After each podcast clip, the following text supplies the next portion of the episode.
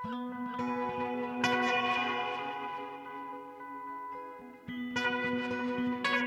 og sæl, kæru hlustendur. Ég heiti Halla Harðardóttir og hels ykkur hérna úr hljóðstofi Víðsjár þriðdægin 20. desember. Í þætti dagsins Ástir og fórnir í París, myndlist á Akureyri og Skurðn. Þetta rauða, það er Ástin, er nýjasta skáldsaga Rögnu Sigurðardóttur. Söguhetju bókarinnar, Elsu, langar að mála og stefnir að því að miklum metnaði þótt fyrirmyndirna séu fáarum miðja 20. öld. Hún lærir í handiðaskólinum, svo í Kaupmannhöfn og endar svo í draumaborg allra listamanna á þessum tíma, París. Elsa er kona sem lætur ekkert stöðva sig í að fylgja draumum sínum eftir en það á eftir að krefjast fórna. Við ræðum við rögnu í þætti dagsins um Elsu og stöðu kvenna á þessum tíma. Þögnina sem var oft fylgifiskur áfalla og ábyrð listamanna á tímum þegar myndlistin var upp á líf og dauða. Í byrjun desember opnuðu þrjár nýjar síningar á listasafninu á Akureyri. Einn þeirra ber titilinn Málverk og er síning á verkum akureyriska listamannsins Kristins G. Jóhanssonar. Ferill Kristins spanar þó nokkra áratögi en hann held sína fyrstu myndlistarsíningu árið 1954 og hefur síðan þá haldið fjöldasíninga á verkum sem spanna allt frá dúgristum, yfir í tekningar, yfir í stór og kraftmikil málverk. Gíja Holmgjastóttir brá sér í heimsókn á vinnustofu Kristins í innbænum á Akureyri og forvitnaðist um feril hans, lífið og listina og nýju síninguna á listasafninu á Akureyri. En senn líður á jólum sem þýðir að bókarínar okkar keppast þessa dagana við að gringa á bókastöflunum. Það er að sjálfsögðu ekki hægt að lesa allar jólabækunar, hvað þá að rína í þar allar fyrir jól, en við gerum okkar besta og þessi þáttur líkt og svo margir í desember hefst á ríni. Sölvi Haldarsson var að ljúka við ljóðsöguna Skurð eftir Ardísi Lóu Magnúsdóttur. Í færtugasta og fjóruða kabla ljóðsögunar Skurð eftir Ardísi Lóu Magnúsdóttur mætir lesandanum langur orðarlisti. Runa sem tegir sig yfir alla opnuna í fjórum dálkum. Tilutnum hefst. Á meðan ég vaki á nóttunni drep ég tíman með því að hugsa um orð sem tengjast hvort öðru sár, sára lítið, sára lín, sára smyrsl, sáran, sára tung, sár beigða, sársauka kviða, sára dúkur. Tilvitnin líkur og svona heldur ljóðmannandi áfram að lista upp 90 orð sem öll hefjast á sár. Framsetningin er sláandi einfælt. Það er ekki fyrir en lesandin tekur sér til og les orðaraunina upphátt sem merkingarvenslinn og blæbreyðin milli orðana afhjúpast.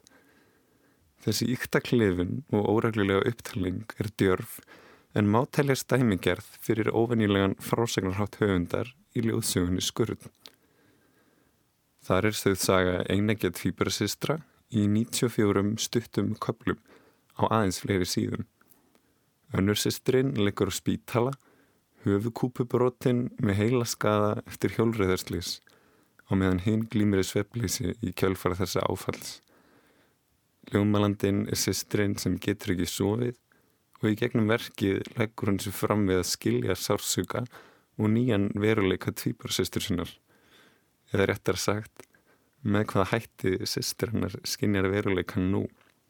Í upphafi verksins er tilutnin í George Orwell sótt í dystopísku skáldseguna 1984 Reality is inside the skull eða veruleikinn er fólkin innan í höfuðskilinni og Herstedt Pálsson og Torolf Smith snurruði þeirri setningu þegar þeir hlýttu skáldseguna á sínum tíma Uppfagna spurningar um veruleikaskinnjun og vald að hver miklu leiti veruleikinn markast af sjónarhörni hvers og eins og hvernig hægt er að hafa heimil á hlutunum með því að hafa heimil á huganum. Ein af afleggingum slissins er að sesturinn blindast að verulegu leiti og missir alla sjónræna formskinnin.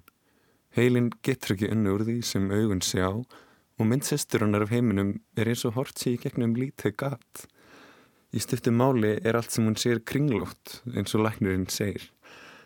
Til að skilja hvernig heimurinn blasir við sýstur sinni eftir slísið gefur ljóðmælendi sérstakann gaum að öllu kringlóttu. Auk þess leita á hana spurningar um sársauka og samlíðan og um að hvað miklu leiti hún muni nokkur tíman geta sett sig í spór sýstur sinnar. Tilvitnun herst. Á meðan þú sefur drömlusum svefni tengdu við allskynns leðslur og vélar veistu ekki að stuðumælaverður gengur um Eiríksgötu og sektar bíla sem lagt hefur verið ólöglega. Þú veist ekki af útsölunni í kringlunni, ómeðvituð um kringlótta loftsteinin 99942 Apopis sem áætlað er að muni skella á jörðinni þann 13. apríl árið 2029. Ómeðvituð um mig sem stend og horfi á því. Þú veist ekki allt gengur sinn vana gang. Tilvitnin líkur.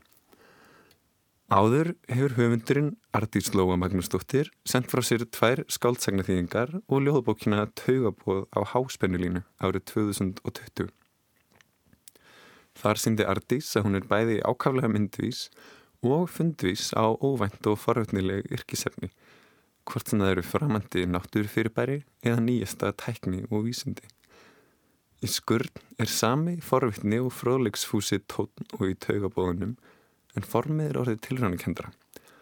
Á baksíðu tekstanum er verkinu líst sem fingerðri ljóðsögu en sjálf hefur höfundurinn líst verkinu sem ljóðrætni, stuttri og svolítið skrítinni skáltsögu. Ljóðsögur hafi verið mjög áberandi í íslenskri ljóðsinu síðustu ár sem dæmi mætti nefna jafn ólík verk og okfrömu, Brynju Hjálmsdóttur, Þagnarbindindi, Höllithorlugar og Klón eftir Ingolf Eiríksson og Elínu Ettu Þorsteinsdóttur. Það sem er einna áhugaverðast við það form og stærsta áskoruninn er hvernig bylið er brúað á milli gildislaðins tungumáls, ljóðsins og samhangandi framvindu frásagnunar. Í skurn er það söpplísið sem á að segja stýri eða skilir þið formið. Söpplísið hefur þau áhrifulegu mannanda, hún á erfitt með að halda einbyttingu og verður jafnframt ofur næm fyrir umhverju sinu. Þannig hanga kaplarnir oft saman á bláþræði húrenningatengsla og ímis orðaskipti, tilviljanir og hverstagslegar aðtjónir magnast upp í uppvænlega fyrirbóða.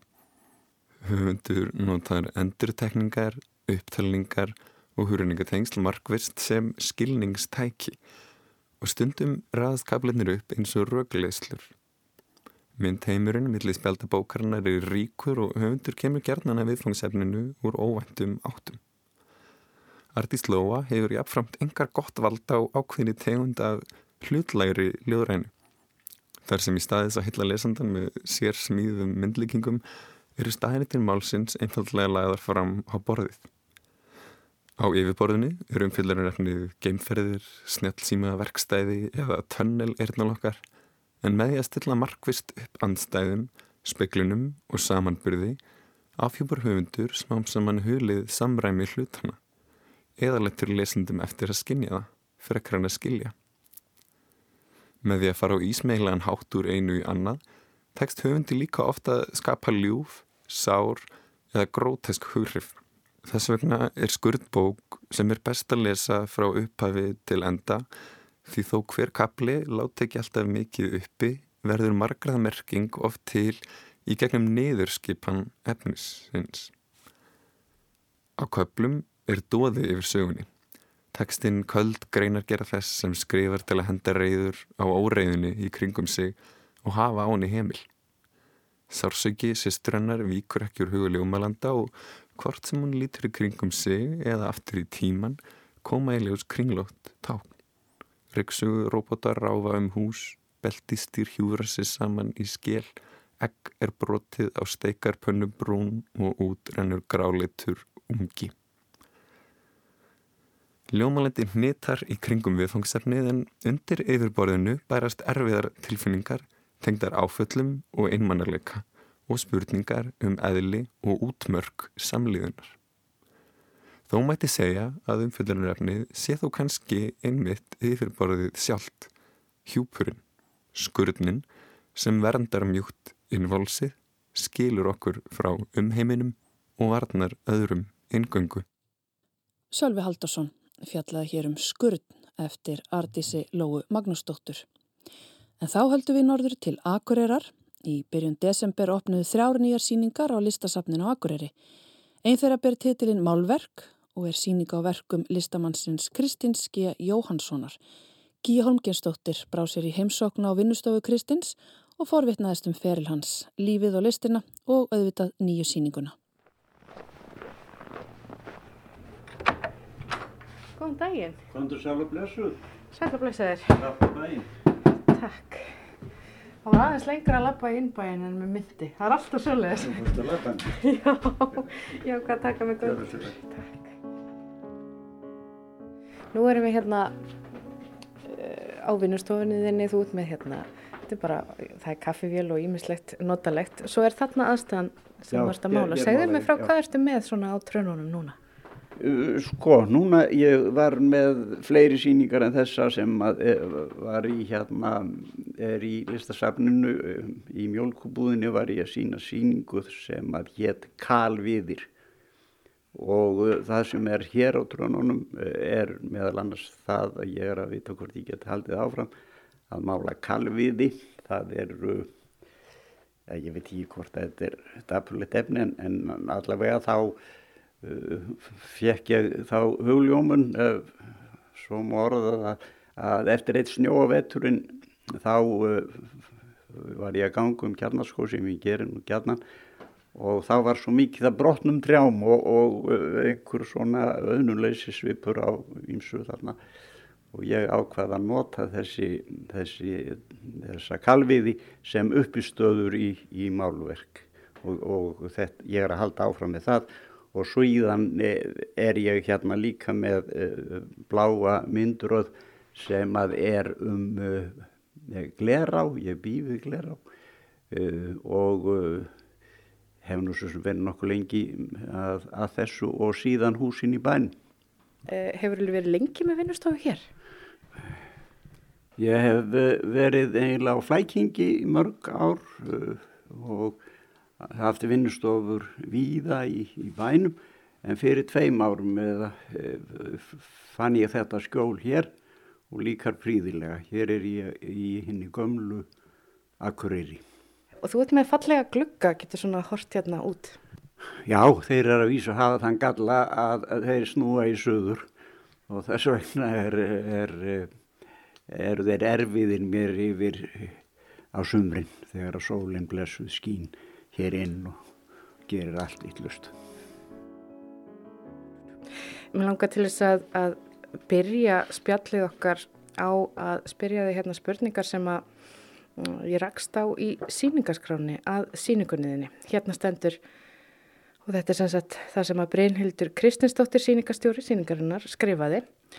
Hún spyr hér hvað fær lítinn dreng sem fæðist í litlum bæ árið 1936 á norður hjara veraldar til þess að velja sjónlistir sem viðfangsefni í lífinu.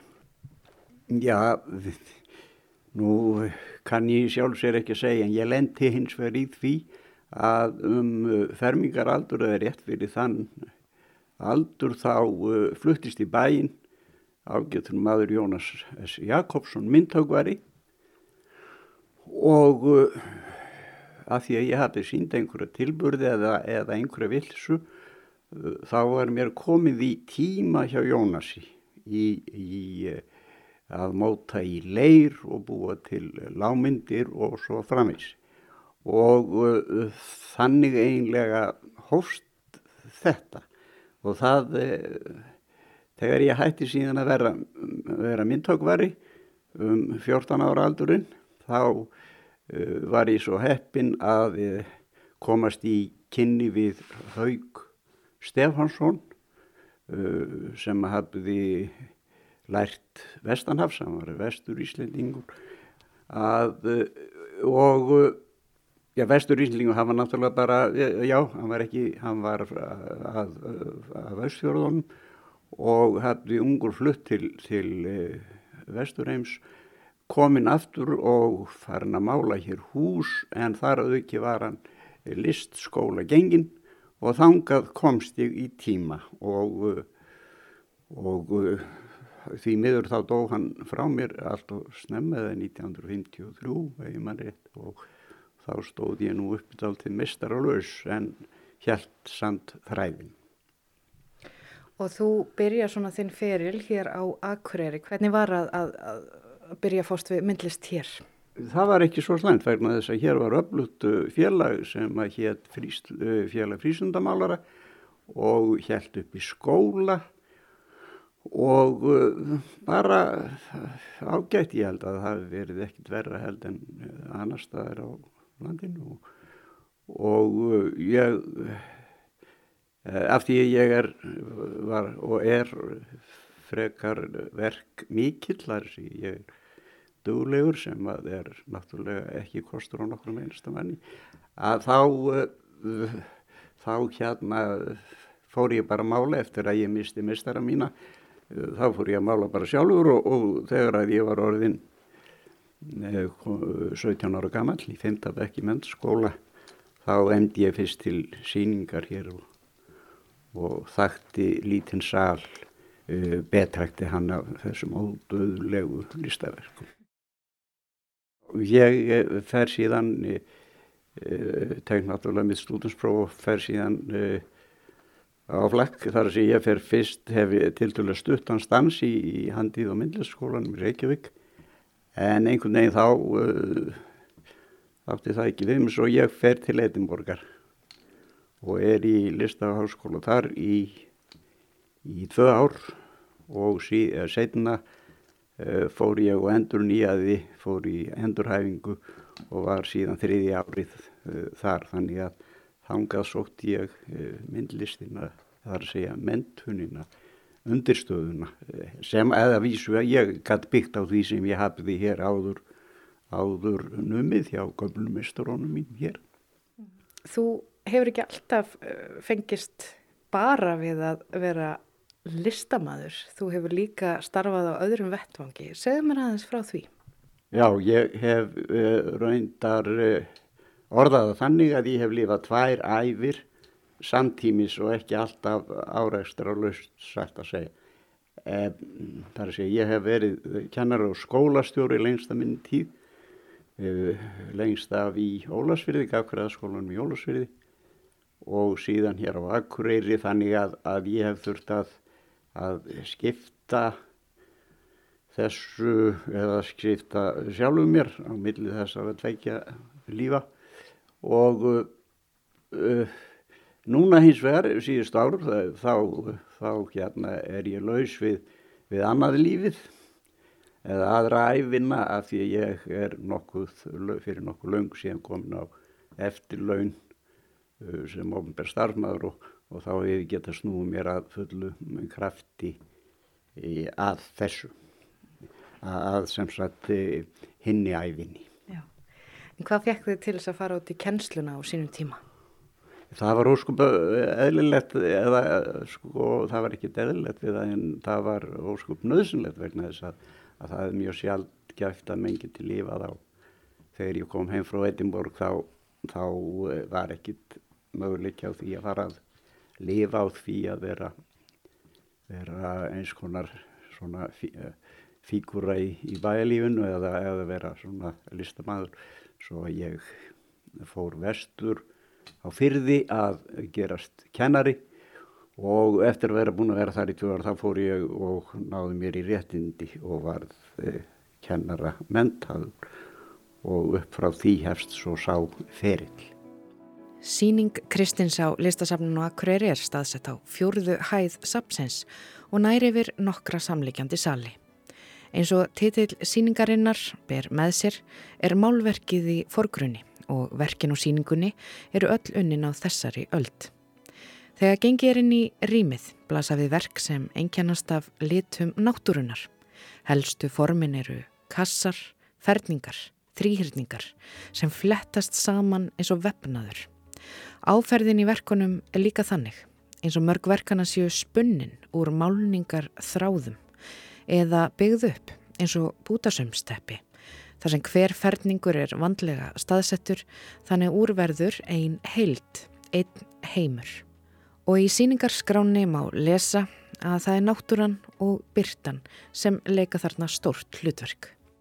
Já, ég hef alltaf verið landslagsmálari og, og hérna þannig að ég sæki litina í, í, í umhverju mitt og uh, þegar þú talar um áferðin á þessu þá uh, hef ég verið, verið sagt ég fór að nota sandpapir uh, sko fór yfir verkin með sandpapir og þá náði ég inn í strygan og þá kom svona voðfeld áferð á verkin og uh, ég hef nú afsækað þetta með því að það var sagt um, um hérna fórföðun mína í Svaraðardalum að, að hérna að þeir voru góður vefarar og ég uh, náði einhvers konar sambandi við þá með því að, að fá þessa voðfældu uh, áferð á, á málverkin.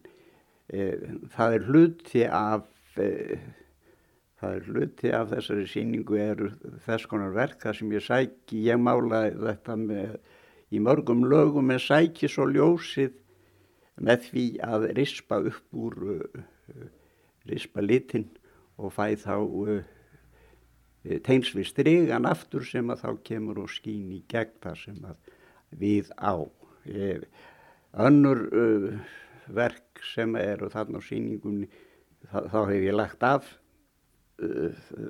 þessa aðferð og mála hins vegar Já, ég segja þetta sé allt eh, myndir um heiðina, byrtuna í heiðinni og ég gerir það með mínum hætti. Það þarf kannski skáldgáðu til þess að sjá heiðina í þessu en, en hún er þarna. Svona aðeins að innblæsturinnum, þú talar um byrtuna og náttúruna en, en, en er eitthvað staðar víðar sem þú sækir innblæsturinn? Hvar sem ég er, ég mála alltaf fæ alltaf eh, efnið úr umhverfi mínu þegar ég var fyrir vestan og Patrísfyrði þá málaði ég bátan og, og, og börnin sem ég var að kenna eða, eða eh, börnað leik. Þegar ég kom til Ólasfjörðar þar sem ég var nú lengi e, þá ger ég það sama. Ég málaði snjóin og húsin og bátanna og kallanna og já, ég verð fyrir áhrifum að því umhverfi þar sem ég er herju sinni og um, verkin befa þess vitni. Mm. Þú hefur búið við aðeimland, heyr ég, og þú notar byrtuna sem svona einblástur. Er byrtan öðruvísi hér á Akureyri og í Vaðalaheiðinni og umhverfinu hérna heldur en annar staðar á landinu? Nei, það held ég nú ekki, en það, ég, það, ég er orðin svona byrtusækin núna, en nú held ég bara vegna þess að, að að ég eh, eins og ég sagði þér áðan þá, þá uh, má búast við að, að fara að skekja hjá mér sjálfum og þess vegna vil ég halda byrtunni sem mest hjá mér og ef hún er ekki úti þá bý ég hennar til í reyni. Hérna vinnustofan þín, kemur þú hinga daglega og málar? Já, það ánú við um okkur kennaraskefnunar að við höfum sko unnið lengi samkvæmt stundaskrá og ég sá enga ástæði til þess að breyta því. Ég mæti hér mjög snem á módnana mæti bara í vinnuna. Þetta er vinna fyrst og fremst og vinn hér minn vinnudag eins og ég hef alltaf gert. Þú ert með þessa síningu núna. Hvað er svo framaldi hjá þér? Það halda bara áfram að vinna mæta í vinnuna og, og vita hvað úr þessu verður. Ég er pínu lítið að, að eh, átta mig uh, uh, að því að ég þarf að hvert ég á að fara hérðan þar að segja nú er þessi síning komin og, og ég er búin að gera þessari byrtu bísna mikil skil. Og þá er spurning hvort ég held því áfram eða hvort ég fer að teka einhverja beigju og og reyna að finna einhverja aðra sín á byrtuna.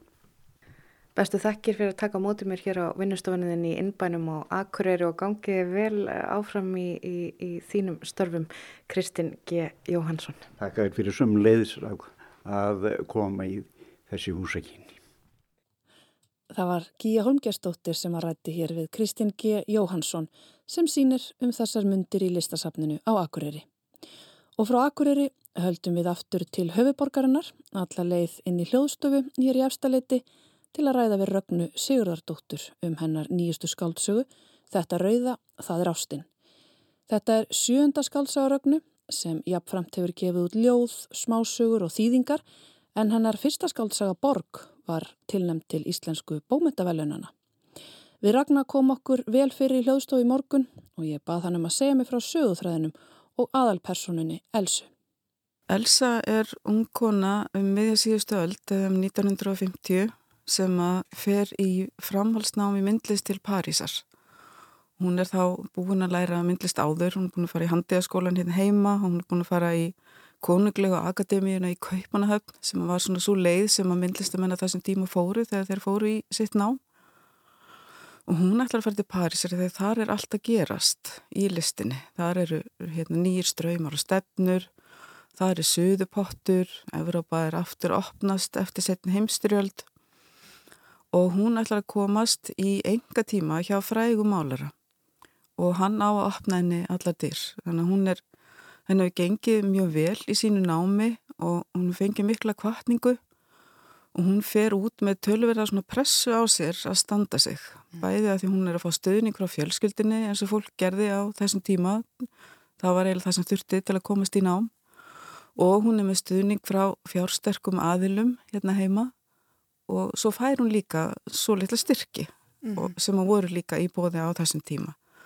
þannig að hún þarf að standa sig og hún fer til Parísar og stuttu eftir að hún er komið þangað þá kynnist hún ungum Íslendingi sem er líka þarna við nám, sem er líka málari og þau verða ástfanginn og ég er ekki að spilla neinu þó ég segja að það fyrir bara allt í fjandans. Einmitt, akkurat. Og ég er svona veldið fyrir mig hversu mikið er að það tala um það um, við sjáum til. En ég vil ekki heldur spilla neinu fyrir hlustundum. Um, hún er ótrúlega metnaðafull og þrátt fyrir að eiga kannski ekki mikla fyrirmyndir vegna þess að konur í myndlist á þessum tíma höfðu þetta einhverja fyrirmyndir en ekki margar. Og hún tala með þessu um það sjálf að hún hafi ekki átt mikla fyrirmyndir. Nei, uh, hún á ekki fyrirmyndir og ekki fyrirmyndir sem hún talar um það voru konur í myndlist á undan henni sem voru, uh, voru hérna, eins og Júlíana Sveinstóttir, hann gekk mm -hmm. mjög vel í Danmörku Nína Sæmundsson sem að gekk mjög vel í bandarækinum mm. en Elsa er ekkert að horfa sérstaklega til þeirra hún hefur bara trú á sjálfur sér og hún sko, það er stundu þannig að í listasögunni, sérstaklega eftir á þá eru konur sem hafa staðið sig mjög vel eða gengið mjög vel á sínu tíma fengið mikla átegli og mm. notið mikill af velgengni en síðan að þegar að listasagan er skrifið þá svona hverfa þær mm -hmm. Þannig að það getur verið pínu villandi að hugsa um að einhvern veginn, já, konur hefði ekki tækifæri þeim, hérna, einhvern veginn, er komist ekki að, að því að er kannski hafi ekki verið skrifaður í söguna, en, en, en það var ekki endilega þannig og, og hún sem sagt nýtur þessara velgengni, hún, og þá er ég auðvitað að skoða þær konur sem að, hérna, nutur önnulega velgengni á þessum tíma og þó að hún sé ekki byggð á, sko, einni, einum listamanni eða einni listakonu, að þá gekk hérna eins og Nína Tryggvadóttir til dæmis, hún var, uh, hún var talin einn okkar fremsti myndlistamæður á þessum tíma og þá var skrifað um hana þannig. Mm. Og, en það er ekki endilega kannski, þegar við hugsaum tilbaka í dag, það er ekki endilega kannski þannig sem við hugsaum.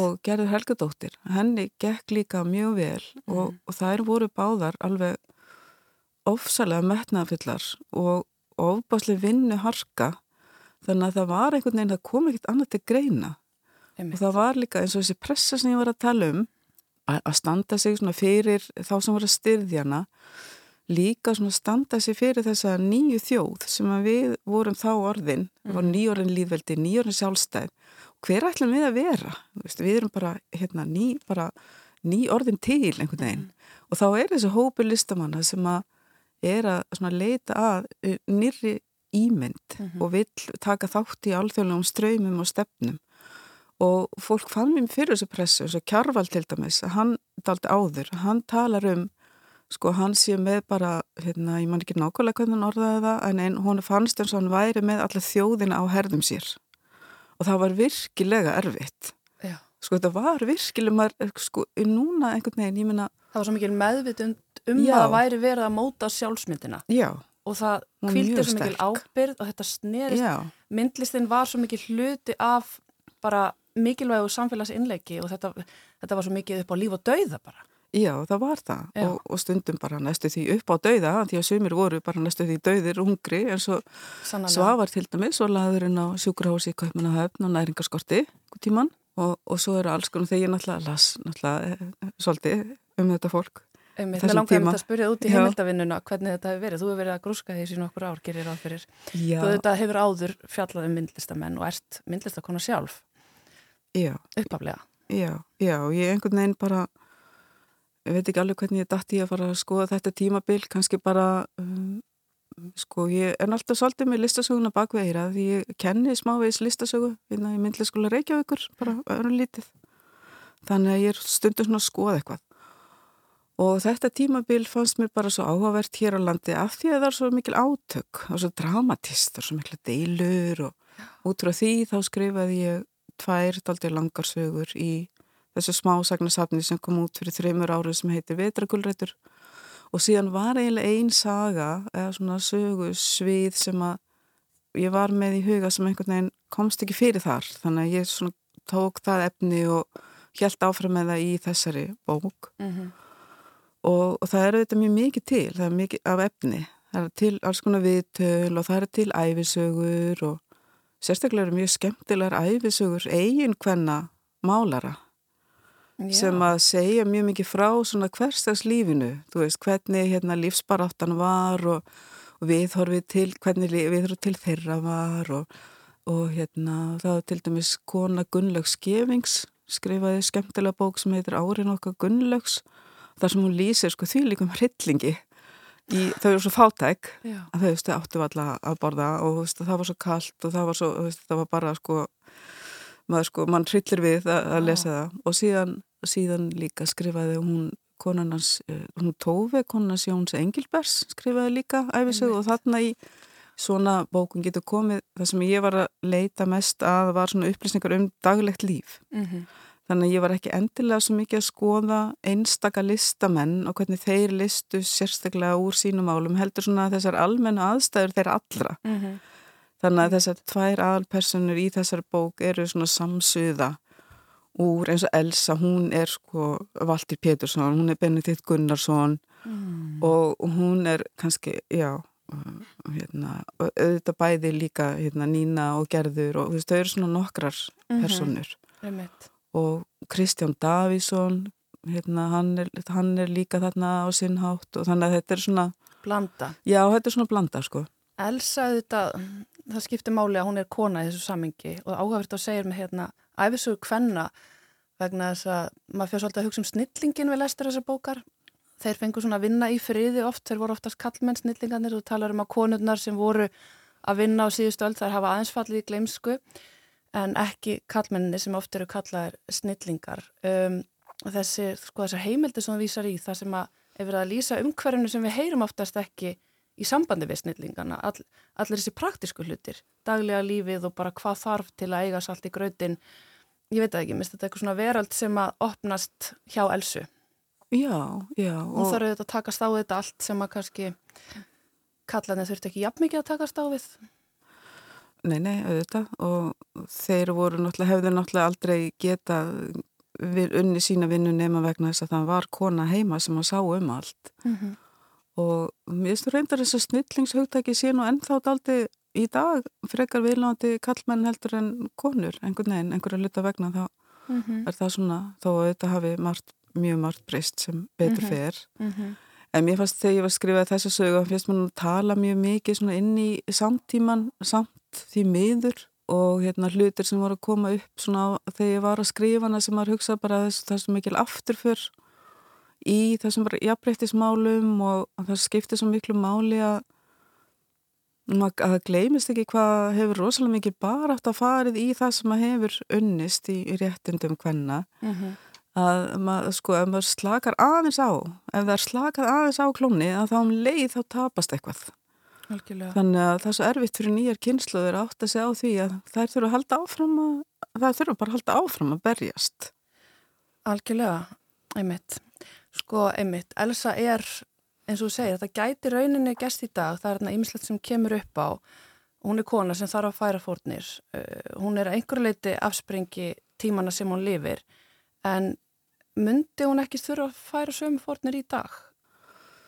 Uh, ekki sömu fórnir, sem betur fyrr mm. vegna þess að þá náttúrulega var uh, viðhorfur þannig að það hefði engum sko viðhorfur í dag er náttúrulega ekki absolutt þannig að það sé algjörlega sjálfsagt að konur séu bara heima með fjölskylduna sem betur fyrr þó að sé kannski eitthvað sem að eiginlega kannski er að, kannski er við að fara aftur í þá átt en Fyrir eftir hvar eru hún stattar í heiminum með þetta? Já, nei, einmitt. Já, það sem ég langaði líka að skoða var eitthvað sem að eh, breytist auðvitað aldrei, er bara reynlega það að vera í líkama konu er annar veruleiki en að vera í líkama karls Þannig að einhverju leiti þá er auðvitað alveg sama hver, hversu mikið jafnbreytti við, við náum í samfélaginu mm -hmm að þá er þarna annar veruleiki sem að hún þarf að takast á við mm -hmm. og óháð, óháð sinni samfélagsstöðu líka, það er bara reynlega þessi, þessi líkamlegi veruleiki sem mér langaði svolítið að draga svolítið fram Einmitt. og hérna, já Einmitt, en mér finnst þetta ekki bara að vera sko saga Elsu og Kjartans, heldur mér finnst þetta líka með þetta saga um spennuna á milli kynjana, ekki bara kynferðislega spennu og ást heldur líka bara samfélagslega spennu. Við erum að tala um hérna hvernig heiminum var kannski stjórnaði körlum en hann stýristu þetta líka af stjættaskiptingu og mér finnst það komið alltaf skýrt fram í París, þessari borg sem þú ert að lýsa og er dregin svo fallega upp í þessari bók og er í rauninni kannski önnur aðalpersona bókarinnar. Ehm, þessi heimur sem hún gengur inn í, þessi myndlistarheimur, hann er auðvitað, hann er ekki einungi stýrta körlum, hann er stýrta efristjætt og hún er rauninni gengur alltaf inn í það líf. Já, og hún finnur nefnd svolítið fyrir því þegar hún kemur þarna, hún er svolítið svona sveita að manneskja mm -hmm. og hún svona veit ekki alveg hvernig hún á að gera hlutina, hún þarf að læra svolítið, hún fer í fransku tíma og, og, og þarf líka að læra svolítið haga sér og, og að vita svona hvernig hún á að, já, hvernig hún á að koma fram og svolítið og kynist þarna efri stett sem að hún hefur ekki kynst áður. Mm -hmm en það sem að líka er það sem að, já, það sem að líka er í sambandi við sko hennar stöðu sem kona er að og það er sko þá er ég að hugsa um karlmennina í hennar lífi mm -hmm. að sko þeir eru alltaf svolítið ráðandi sko þeir hafa alltaf alltaf meira völd heldur en hún. Mm -hmm. að byrja strax í sko gagfyrraskólanum þegar hún er að hún læra að þá er það teiknikennarin sem að hvetur hann áfram, hann er kallmaður mm -hmm síðan eru þetta profesorarnir í skólanum í Kaupanhöfn, þau eru þetta allir kallmenn og síðan er hún að reyna að koma stað hjá þessum frægamálara í París sem sjálfsögðu er kallmaður og, og mjög hrókafyllur og, og hafa sér uh, svona, já, hérna reyndar sko held ég ekkit svona ó, ósennilegt að hann hægi sér eins og hann gerir sko, ég hef alveg heyrt svona sögur mm -hmm. Þetta hljómar og, allt mjög sannfærandi, vist mér alveg. Já, og, og síðan er það sko uh, pappanar sem að hann er að hjálpa henni með sko fjármálinn mm -hmm. og þannig að það eru allt í kringum hana, eru sko ráðandi kallmenn sem hún tarfa að takast á við mm -hmm. og ég held að það séu nú kannski alveg veist marga konur sem kannastu þetta líka í dag, já. Algjörlega. Og svo getur maður spurt sig að sko valda svona valda hlutvöldunum í hennar sambandi bæði við kjartan og, og síðan við hennar franska. Mm -hmm.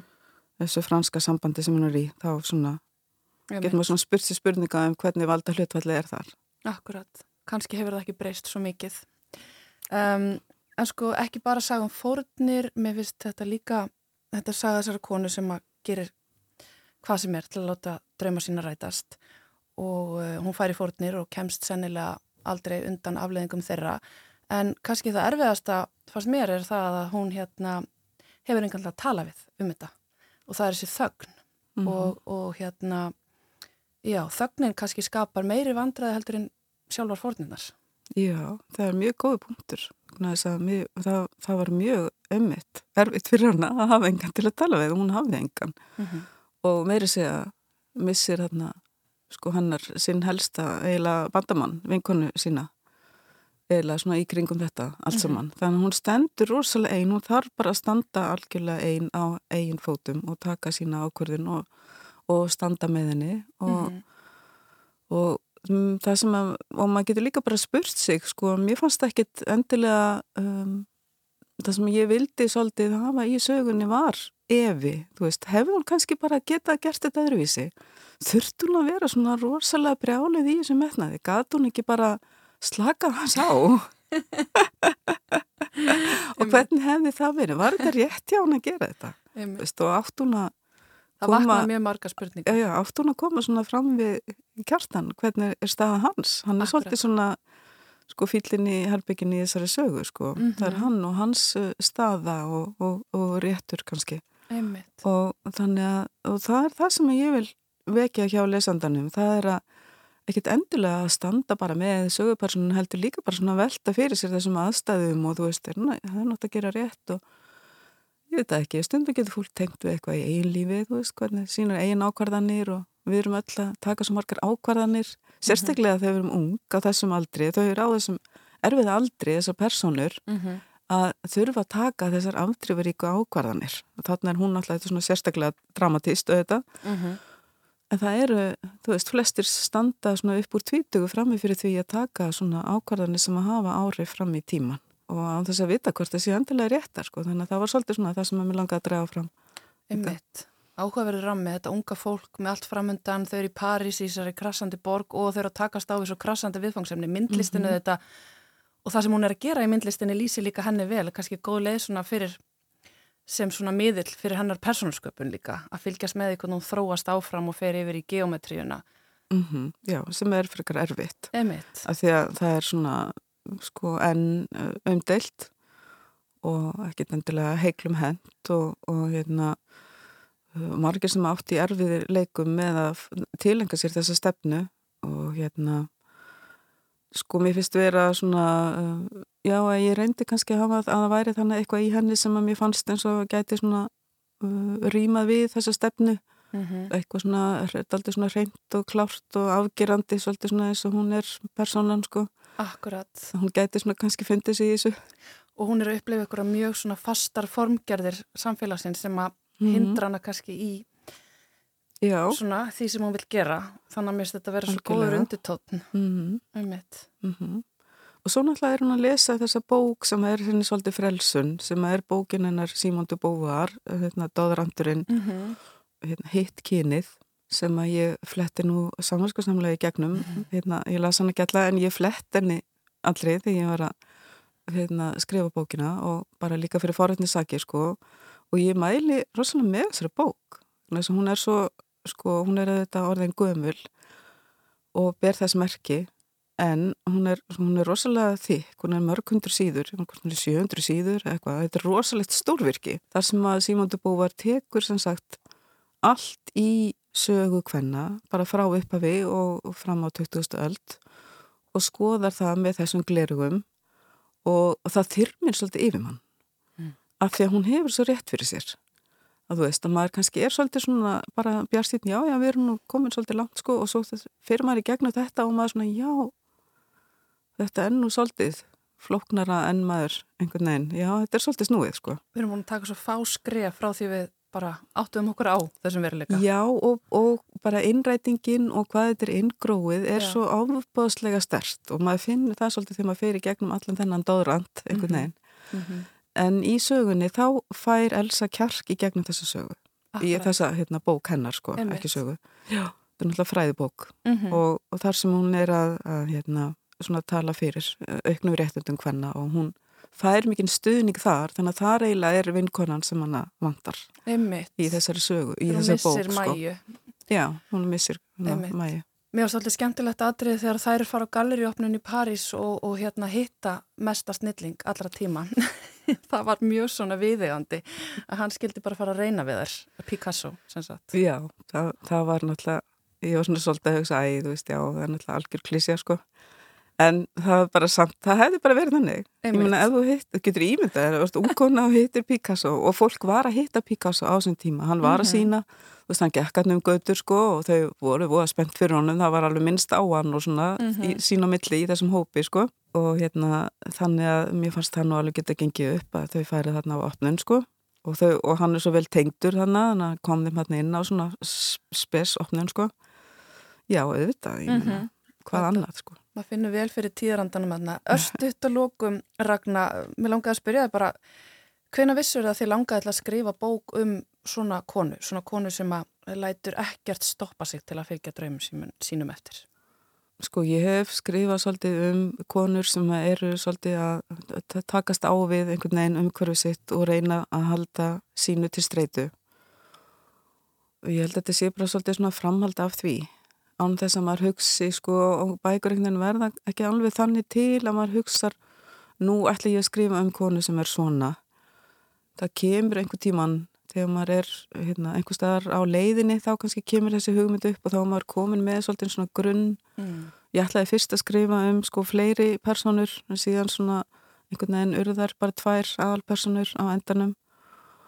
Og það var einhvern veginn, ég veit ekki, það var bara ekki annað hægt, hún einhvern veginn svona gæti ekki farin eina aðra leið. Og mér fannst bara mjög skemmtilegt að vittna í þennan tíma þegar að konum gekk mjög vel. Og það eru margar konur, eins og ég var að segja á þann að það eru margar konur sem gekk mjög vel í sínum tíma sem að hafa ekki alveg sko og notið sannmæli sem það er verið að draga þær aftur upp á yfirborðið núna, þá er ég meina svona alþjóðavísu. Mm -hmm. og mér fannst það bara líka bengt við Ragnar Sigurðardóttir höfundur skáldsögunar Þetta rauða, það er ástinn um þörfina fyrir að skrifa um metnaða fulla konu með stóra drauma. Þetta verða loku orð þáttarins í dag en honum líkur aldrei þessu vant með jólalagi. Björg Guðmustóttir og Jólakötturinn. Takk fyrir samfélgina og verið sæl.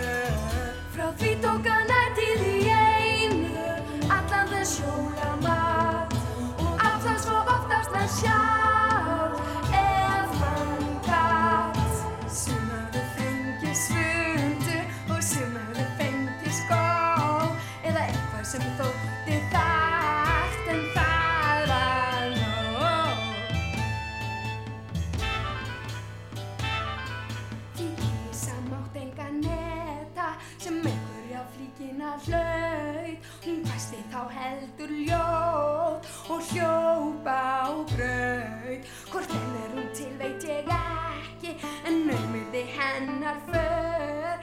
Ef allir eignuðu snæst einhverja spjör Þið hafið nú kannski í hug